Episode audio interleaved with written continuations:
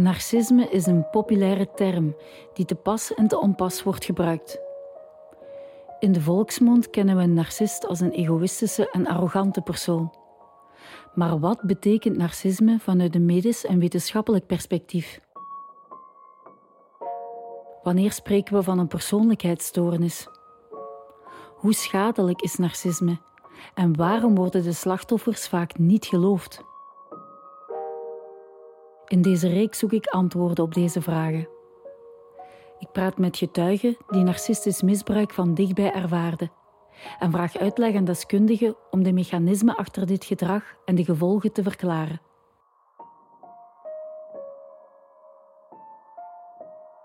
Het is juni 2020, vlak na de lockdown, als ik mijn onderzoek start. Ik ontmoet Eva, een vrouw van 51. Maar ik voelde mij ja, een schim van mezelf. Ik, het was eigenlijk niet leven, maar overleven. Eva zat tien jaar vast in een gewelddadig huwelijk en werd door haar man voortdurend gecontroleerd. Wat vooral heel veel opviel, was dat ik heel moe was. Ik was heel vermoeid. Ik had natuurlijk ook een heel zwaar gezin, een druk gezin. Dus ik had eigenlijk weinig tijd om mij vragen te stellen eigenlijk. Ja, ik, ik wist eigenlijk zelfs toen nog niet wat emotioneel misbruik was. Hoe was jullie relatie in het begin, uh, toen jullie elkaar leerden kennen? Totaal niet te beschrijven wat ik eerder had meegemaakt. Alles kon, alles mocht. En ik, als, ik het maar, als ik maar gelukkig was. Ik, ik had eigenlijk echt het gevoel dat ik het groot lot gewonnen had. Zo voelde ik het. En heel veel mensen in mijn omgeving zeiden ook van... Ja, je bent met je, met je, met je gat in de boter gevallen. Waar, ja, dat versterkte eigenlijk mijn gevoel. Hè, omdat de buitenwereld dat ook zo zag. Dacht ik van, ja, ik ben echt wel... I'm a lucky star. Ik, ik ben de verkorene, uitverkorene. Ja, en weet je nog wanneer de dingen dan zijn beginnen veranderen in jullie relatie? Dat je dacht van, hier klopt toch iets niet? Wel, in ieder geval, uh, toen we al samen woonden en uh, ik zwanger was. En toen begonnen dingen te veranderen. Hij was extreem jaloers op alles, vooral uit mijn verleden. Dus op uh, zaken waar hij niet bij was geweest. Zo mocht ik bijvoorbeeld geen foto's van mijn twee oudste kinderen ophangen die dateerden van voor zijn tijd. En ik mocht ook niet gaan werken, omdat hij heel bang was dat ik nieuwe contacten zou maken die voor hem een bedreiging zouden uh, zijn. En ik denk, of ik weet zeker dat, dat, het, dat het idee daarachter zat van ik moet ze weghouden, ja, om ze niet de kans te geven om leuke mensen te leren kennen. Dus je zit eigenlijk continu op eieren te lopen. Alles wat ik deed werd gecontroleerd, alles moest in het geniep gebeuren. Je leeft eigenlijk met een ongelooflijke stress.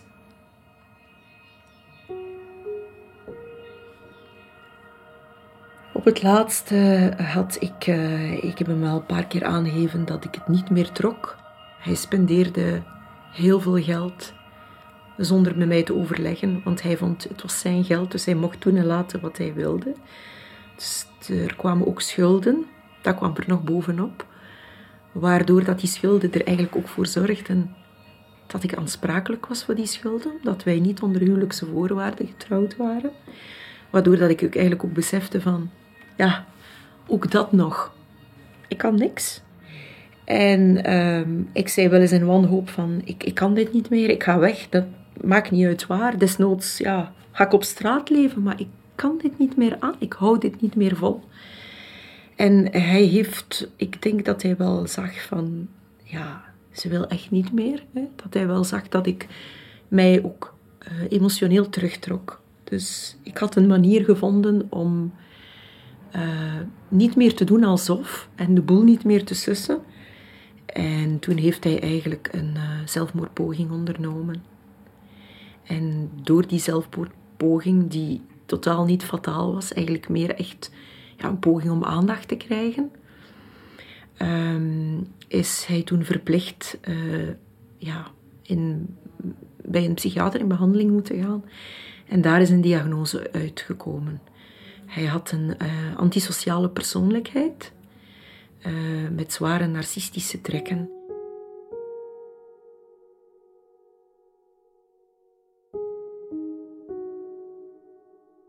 Ik heb ook begrepen van de psychiater toen dat het in mijn eigen belang zou zijn dat ik zou opstappen. Hij heeft de eerste vraag die die man mij stelde toen ik in zijn praktijk kwam, was voordat we beginnen, wil ik van jou weten, hoe hou jij dit al tien jaar vol? Dat was zijn eerste vraag. En dat was eigenlijk wel een heel confronterende vraag. Ja. En dan is die diagnose gesteld. Uh, ja, hoe is hij dan daarna daarmee omgegaan? In eerste instantie uh, was hij, denk ik, geschrokken, hè, omdat uh, ja, het zwart op wit stond. Um, heeft hij een zwak, in een zwak moment heeft hij um, ja, gevraagd, uh, of, of eigenlijk gezegd van ik, ik snap het, ik wil je zeggen dat ik ja, besef dat ik ziek ben, dat ik hulp nodig heb. Dat was helaas een heel zwak en kort moment. Want nadien heeft hij zich heel snel herpakt en eigenlijk uitgesproken van ik ben wie ik ben en het is te nemen of te laten. In een later stadium heeft hij dat eigenlijk ook zelf ontkend. Ging hij eigenlijk zelf ontkennen dat de psychiater dat gezegd was. Dat was allemaal nonsens. En de psychiater heeft gezegd dat ik het was.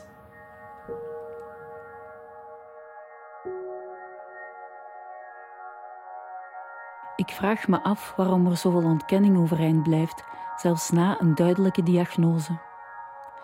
Is het typerend voor zo'n stoornis dat er weinig zelfbesef is en de problemen geprojecteerd worden op de ander? Ik vraag het aan psychotherapeute Diane Rutgeers, die jarenlang werkte op een afdeling voor persoonlijkheidsproblematiek en recent een boek schreef over narcisme. Ja, dat is, dat is klassiek. Uh, mocht het een mildere narcist zijn, dan zou dat kunnen dat hij toch wel wat gaat reflecteren. En er zijn ook mildere narcisten. Hè.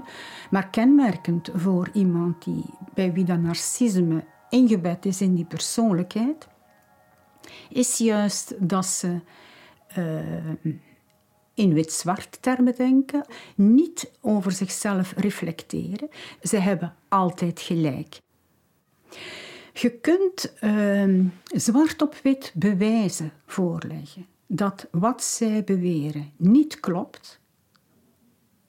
Jaren later blijven die nog zeggen dat hun waarheid de juiste is. Dat blijft overeind. Uh, men zegt zelfs dat een leugendetector dat niet kan openleggen omdat wat een leugendetector detecteert, zijn zo de gevoelens en de lichamelijke verschuivingen die iemand heeft op het moment dat hij ligt. Maar de narcist gaat ervan uit dat hij niet ligt, dat hij de waarheid spreekt. Zijn realiteit is vervormd. Hij leeft in een vervormde realiteit. Hij ziet zichzelf vervormd, hij ziet jou vervormd en hij ziet de situatie vervormd. En die vervorming, die blijft overeind. Hoe hou je je staande in een vervormde realiteit? Eva had vriendinnen bij wie ze een tijdje terecht kon, maar ook dat werd gaandeweg een probleem voor haar partner. Zo geraakte ze stilaan helemaal geïsoleerd. Ja, ik ging me slechter en slechter voelen. En dan had ik echt wel behoefte aan steun van vriendinnen.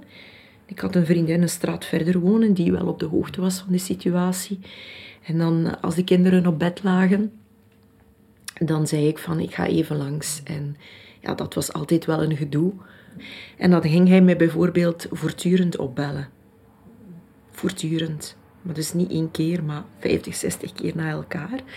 Uh, bon, dan in het begin nam ik op en dan vroeg hij: Waar zit je? Met wie zit je daar nu? Hoe laat ben je terug? En dan uh, begon hij eigenlijk mij onder druk te zetten. Uh, je bent een slechte moeder en jij verkiest je vriendinnen boven je baby. Zo'n dingen dan eigenlijk. En dan bleef hij maar bellen en ja, dan brak ik dat dan toch af hè, om maar richting huis te rijden. Dus die dingen herhaalden zich voortdurend. Voortdurend. Het is zo gebeurd bijvoorbeeld dat ik tijdens een uh, etentje met een vriendin s'avonds gedwongen of aangemaand werd naar huis te komen. Ehm, ik werd eigenlijk gemanipuleerd doordat hij uh, onze zoon, die toen zes was, uit bed hield, uit bed nam, hè, uit bed haalde. En zei van, kijk, zolang jij daar blijft zitten, rij ik met hem rond in de auto. En jij bepaalt of hij terug in zijn bed kan liggen of niet. Want hij wist het dan zo ver te brengen dat, dat er een enorm tumult ontstond thuis. Waardoor dat de kinderen mij ook gingen bellen en zeggen: Mama, wanneer kom je terug? Want dit is niet leefbaar voor ons. Alsjeblieft, kom terug. Als ik met Simon praat, een jonge man van 35, hoor ik een heel gelijkaardig verhaal. Ook hij was acht jaar samen met een vrouw die hem voortdurend controleerde en bedreigde. Het gevolg was dat hij helemaal geïsoleerd raakte van zijn omgeving. We waren alleen thuis of we waren onder vrienden of onder familie of, of ergens. Dan had ze een masker op. En dan was ze lief en joviaal en de perfecte huisvrouw, de perfecte mama. Tot het moment dat je, hè, nou, zeg maar iets, het familiefeestje of, of weet ik veel wat voor iets, in de auto stapt. Want je hebt daar iets verkeerd gezegd. Dat is de hele tijd blijven, blijven hangen bij haar. En die, die deuren van die auto die slaan dicht. En je ziet die hel, die, die, die is terug. Hè.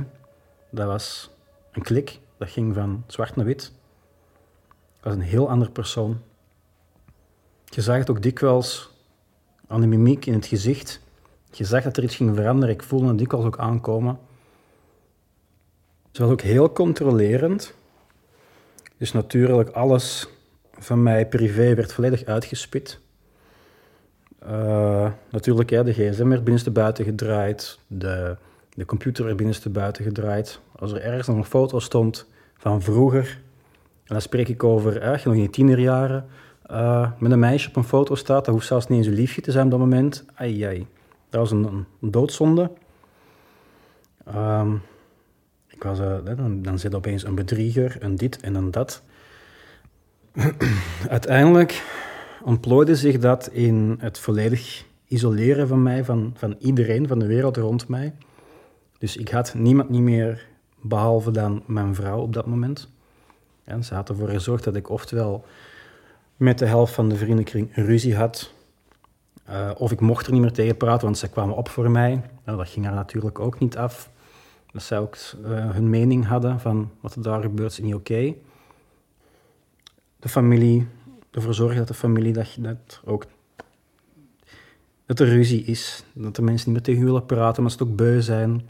Zij ook de mensen zelf altijd heel verbaal aanvallen en ook gewoon ja, heel onrespectvol en vulgaire dingen sturen en echt gewoon... Iedereen was het op een gegeven moment gewoon beu van hier redden ze weer of hier redden hem weer met zijn verhaal. Laat maar, nee, het is genoeg, wij hebben ons eigen ding hier. Dus je raakt meer en meer afgezonderd van, van de wereld. Ook de buren op een gegeven moment, die, die, die praten ook niet meer. Die draaien hun hoofd ook van, het is erg, maar... Die snappen ook niet dat het niet... Je kunt niet zomaar doorgaan, hè. Je kunt niet zomaar de deuren dichttrekken. Hoe vaak ik het ook geprobeerd heb, dat gaat niet. Iemand die het niet meemaakt, die niet in die situatie zit, die zal al snel zeggen van... Als ze dat bij mij doen, ik ben weg. Maar zo werkt het niet. Dat ging heel ver. Dat ging echt heel ver tot op mijn werk. De bazen bellen. De hoge bazen die ik zelfs nog nooit had gezien. Lastigvallen met wat voor verhalen dan ook. Maar dan, het probleem was, ze belt niet eens één keer. Nee, als ik mijn gsm uh, op stil had staan en ik keek, ik had makkelijk 95 gemiste oproepen. Was het bij mijn bazen ook zo, bij mijn collega's ook zo. Elk uur van de nacht, elk uur van de dag. Eender wanneer. Oh wee, als er iemand niet opnam, blijven bestoken, blijven belagen. Die mensen ook zeiden van, doe eens normaal, je moet niet naar mij bellen daarvoor. Dus op een duur, ja, je wordt daarop aangesproken, je wordt daar eigenlijk zelfs op afgerekend op het werk. Van, uh, dit circus hebben wij hier niet nodig. Hè. Ook al kun je er totaal niks aan doen. Ik ben uiteindelijk mijn werk uitgespeeld.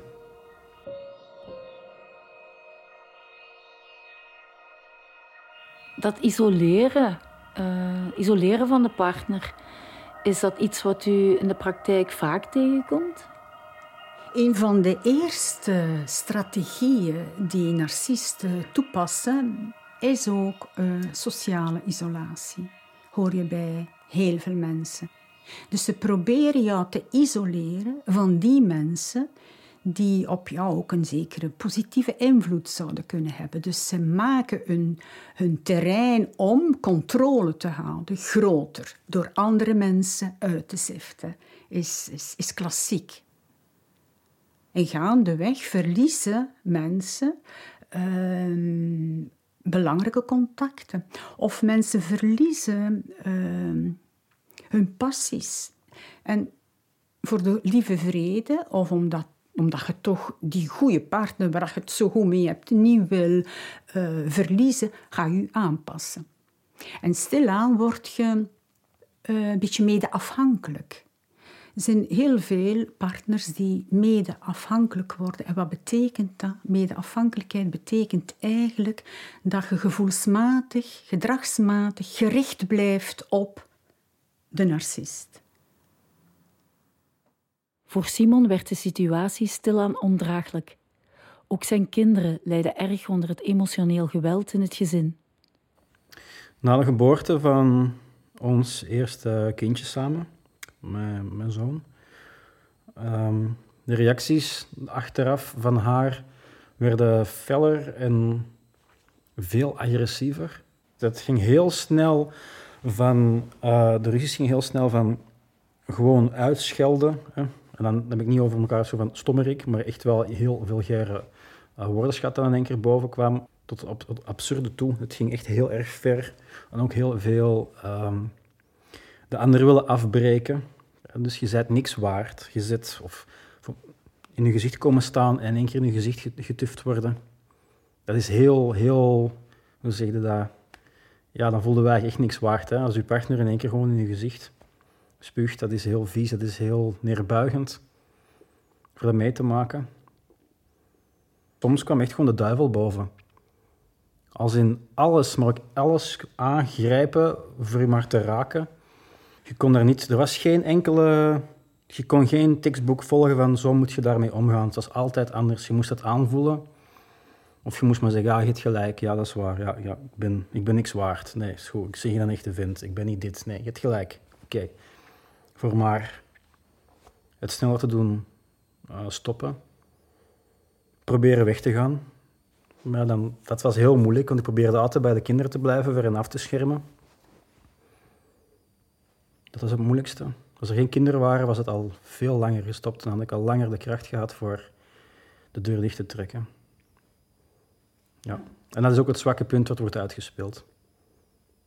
Heel de relatie lang natuurlijk. En de kinderen zijn nu Achillespees altijd gebruikt in elke ruzie. Wat deed ze dan? De kinderen er echt letterlijk bij betrekken. Als er ruzie is, bijvoorbeeld van hun kamer gaan halen, ze aan het spelen boven, mee naar beneden van, kijk eens, papa houdt niet van jullie. Wat? Nee, papa houdt niet van jullie. De kinderen aan het wenen, jawel, jawel, nee, nee, nee. Nee, papa is liever ergens anders. Kijk, en papa wou doorgaan. Ja, ik wou de ruzie uit de weg gaan, maar ik ben straks weer terug.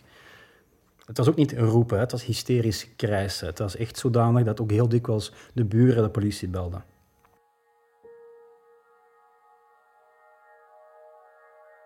Eigenlijk komt dat hierop neer dat de dader controle en macht afdwingt door manipulatie, bedreiging, beschaming, vernedering, destabilisatie, uh, straffen, stoken of ander intimiderend gedrag. Dus het gaat eigenlijk om het uh, afdwingen van controle.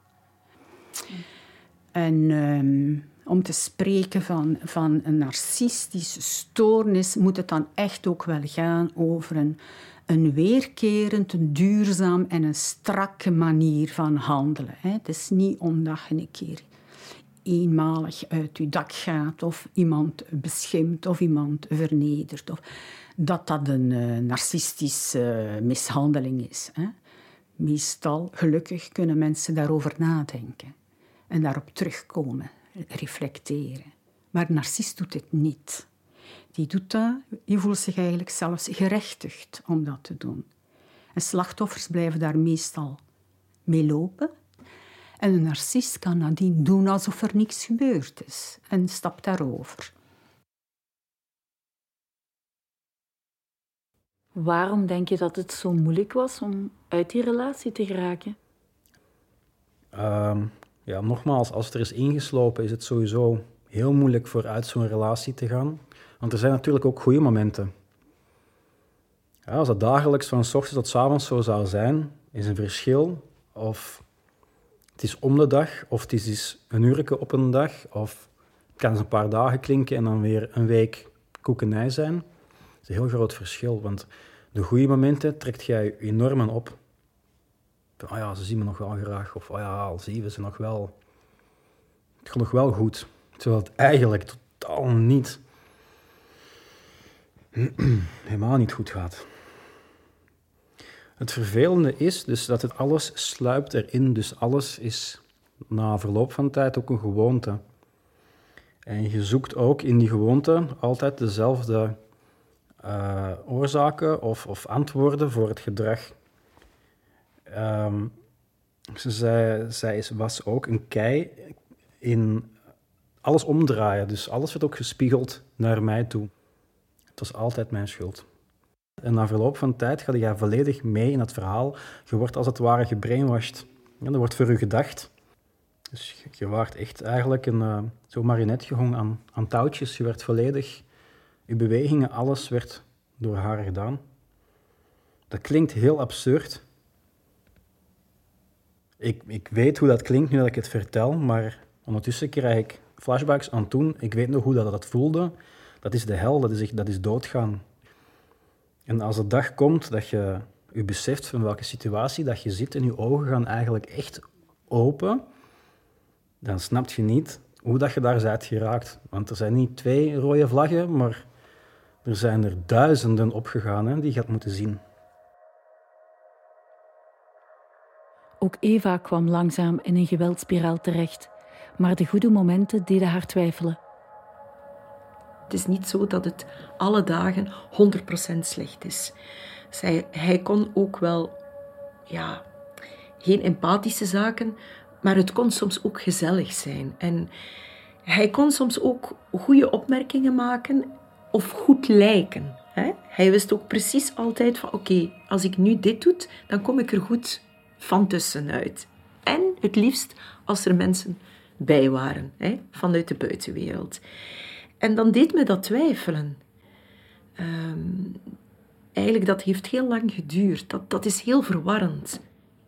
Ik, ik geloof wel, tenminste dat heb ik zelf gezien, dat er een aantal momenten waren waarop ja, zijn, zijn ware zelf, of misschien zijn gevoelige zelf, aan de oppervlakte kwam. Maar dat waren zeldzame, korte momenten. Maar dat waren hele korte momentjes waarop dat hij iets losliet, waaraan ik zichzelf durfde uit te spreken. Maar heel snel werd dat, die narcistische mantel weer aangetrokken en waren we weer van, van vooraf aan begonnen. En als ik hem dan confronteerde met die uitspraken, dan deed hij alsof hij nooit, of dat hij die nooit gezegd had. Ik werd bijvoorbeeld ook ehm, zeg maar op mijn uiterlijk ehm, eh, aangevallen. Hij ging zich bijvoorbeeld focussen op een heel klein vetbolletje, echt een miniem vetbolletje, aan de rand van mijn neus. En dan kon hij mij een heks noemen. Dan zei hij, je bent toch wel precies een heks hoor, met dat bolletje. Zo out of the blue, de momenten waarop we aan tafel zaten. Ja, waar, waarop, waarop je natuurlijk boos wordt en gekwetst reageert van, waardoor er uiteindelijk ruzie ontstond. Van kijk, uh, jij bent de onmens, zie eens hoe jij reageert. Het ligt bij jou, het ligt niet bij mij. Kijk eens hoe onredelijk je reageert. Waardoor dat je dan eigenlijk aan jezelf gaat twijfelen. Waardoor dat ik me dan echt ook schuldig voelde om de manier waarop ik had gereageerd. Ja, mensen kunnen zich inderdaad afvragen, maar hoe bestaat dat als, als, als je zo behandeld weet door een partner? Hoe kan het dat mensen zo lang vast blijven zitten, geboeid blijven in dat narcistisch machtsspel? En ik denk dat dat voor een heel groot stuk te maken heeft met uh, die bewuste strategie van enerzijds te misbruiken en anderzijds opnieuw te gaan verleiden. Omdat dat enorm destabiliseert. Dus enerzijds worden vernederd, beschaamd gemaakt, beschimd, uh, leugenachtig gemaakt. En volgende uur of de volgende dag word je weer de hemel ingeprezen. Zijn ze blij met jou? Worden verleid, worden gestreeld. Dan weet je, en, en dat is een, een gefaseerde, voortdurende afwisseling. Ja, als je het uitspreekt alleen, dan word je zeeziek van. Dat destabiliseert, dat is zo onvoorspelbaar ze, doen u twijfelen aan, uh, aan uzelf. Destabiliseren, projecteren. We doen dat eigenlijk allemaal, maar niet in die mate. Zij projecteren eigenlijk alle negativiteit, dragen het over op de ander en gaan het bij de ander vervolgen, bijna als strategie. En het moeilijke aan deze vorm van mishandeling is dat die onzichtbaar is, en ongrijpbaar, waardoor dat die voor de buitenwereld vaak heel verdoken blijft. Meer nog dat de buitenwereld het, mocht een slachtoffer daar al over praten, uh, amper kan geloven dat iemand in staat is om een dergelijk arsenaal van manipulaties in te zetten, louter om zelfzuchtige redenen.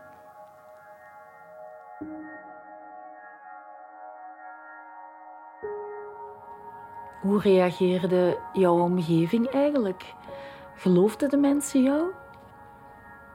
Het is heel moeilijk om iets te geloven als je dingen vertelt, omdat ze net zo anders reageren in de buitenwereld. Het zijn heel sympathico's, uh, altijd uh, uh, spontaan. En, en hij, had, hij kon heel goed praten. Hij had altijd wel... Eh, het was een vlotte prater.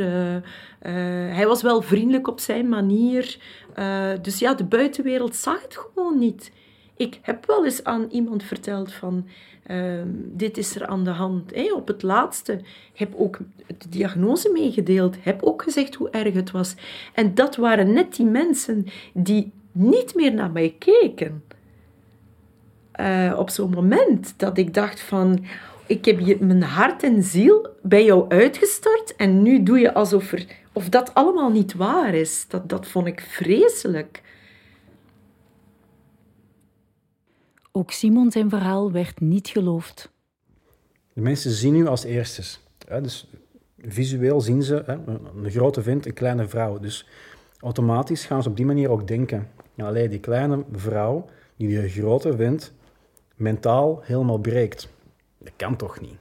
Dus als dan de ruzie was, en dikwijls belden ze de politie, wat ik niet mee in de ruzie wou doen, ik ben om, om na een tijd ben ik beginnen opnemen met mijn gsm. Dus ik zette die op opname, op die dictafoon, of noemt dat, als de ruzie. Ik voel dat de ruzie kwam, een telefoon in mijn zak. Dus je hoort het volledig oplopen, escaleren. Je hoort dan ook dat ik heel tijd zeg, van ik doe niet mee aan de ruzie, stop ermee, dit is genut. Dan hoort ga de politie bellen. En dan komen de leugens al. Hey, mijn, man heeft mij geslagen en hij wil mij vermoorden en bla bla bla. Blieft? Tussen dat ding is aan het opnemen. Dus je hebt ook gehoord dat er totaal niks van waar is. Maar de politie staat daar, die zien ons. Ja, ik mag mee. Dat is niet om meekomen. Nee, nee, dat is daar hardhandig, de handboeien tegen de grond en de combi in. Waar de kinderen bij zijn. En niet één keer, verschillende keren hebben ze me ook wel een paar keer apart genomen van... Ja, je wilt praten en dit en dat, maar ja, wij kunnen ook maar zo ver helpen.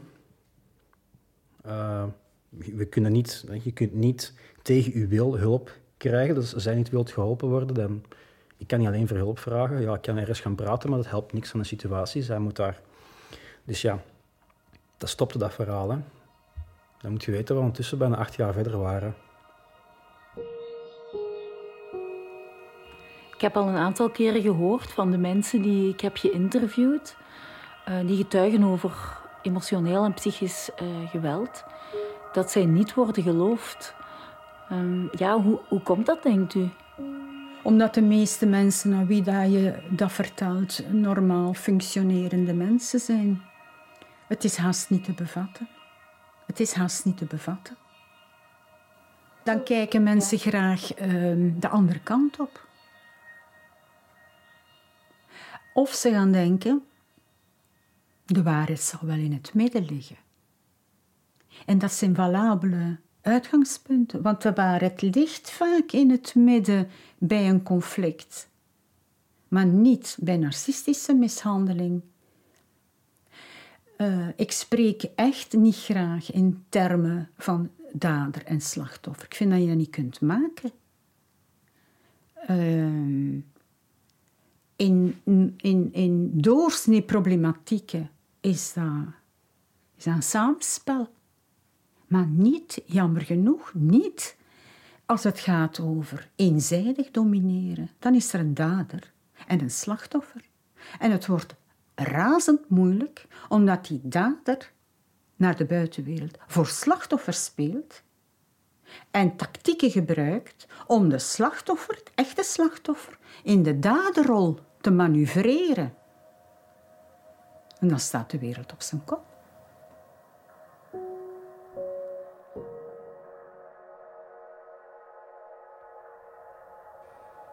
En uiteindelijk heb je dan, na, na hoeveel jaren huwelijk, ben je dan weggegaan?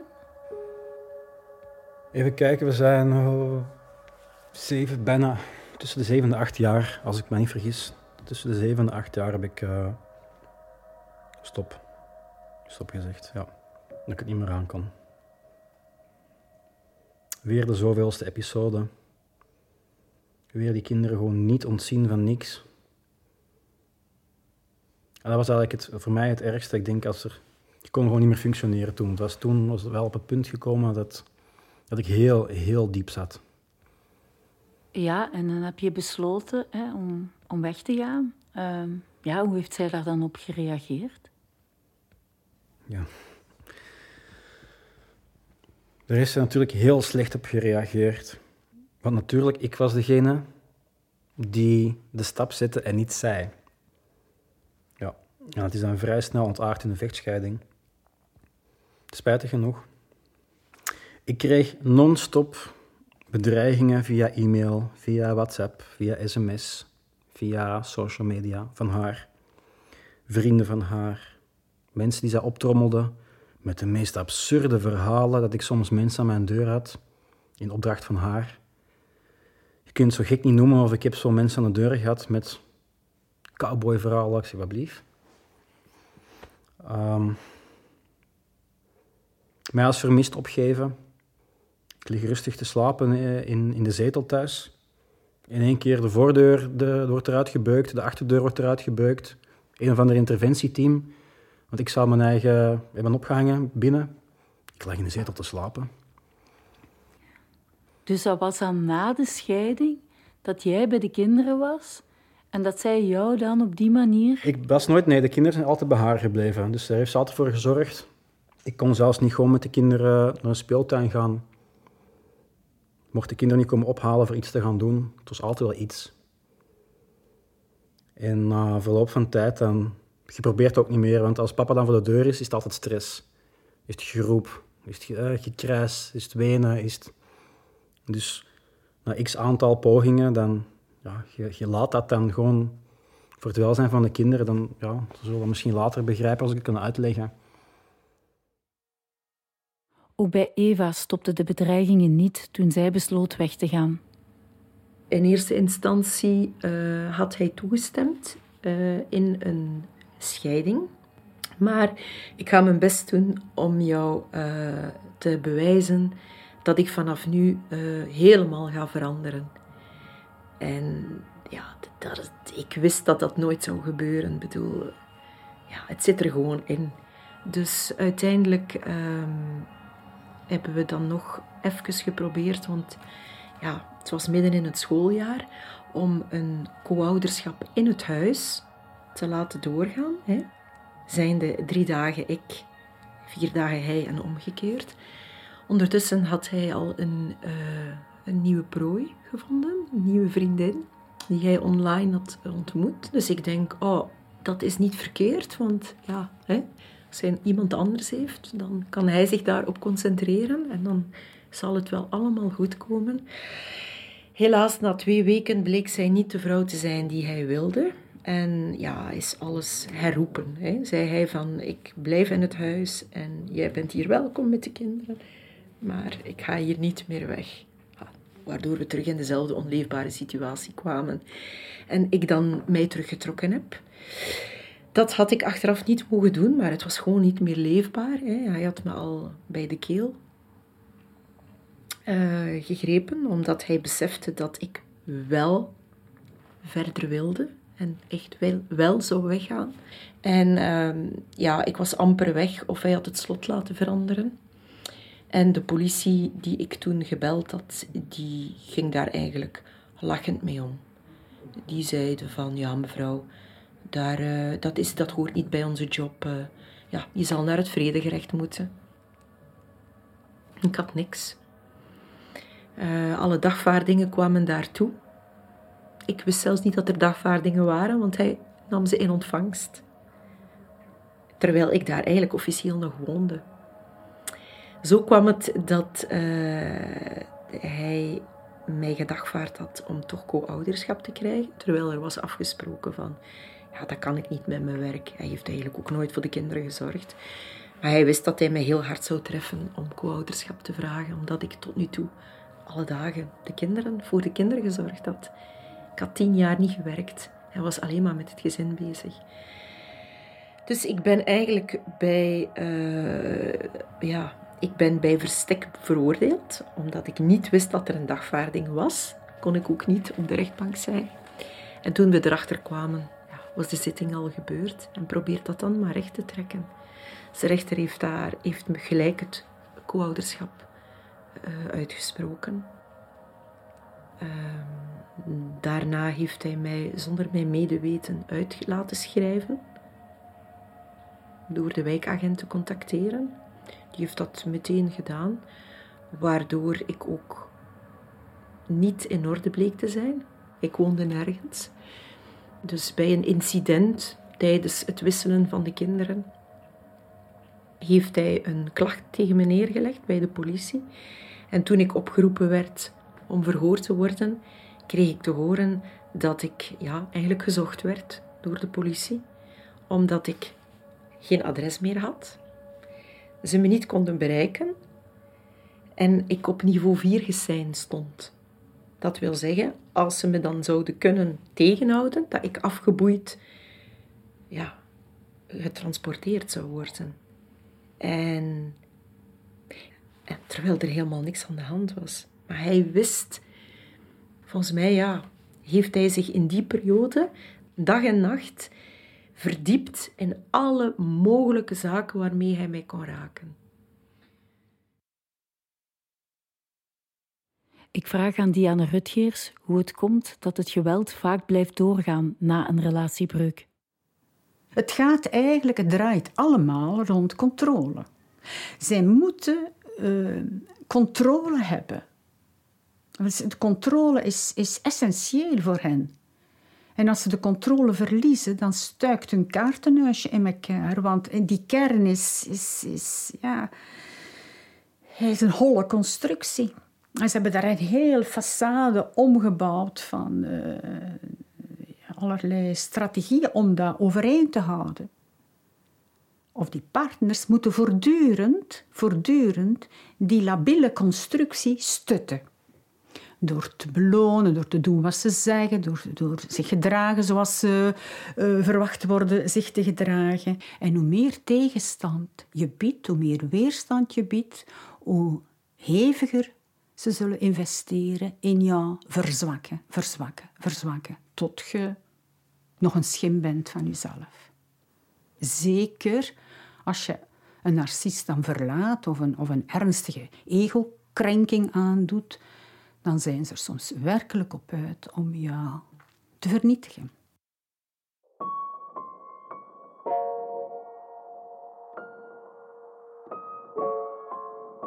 Dit was de eerste aflevering van Als het masker valt. Een driedelige documentaire reeks van Sophie Hanegreefs. Eindredactie door Naid Sheikh en Joke Kolen. Met muziek van Dimitri Vossen. De reeks komt tot stand met de steun van Fonds Pascal de Kroos voor bijzondere journalistiek.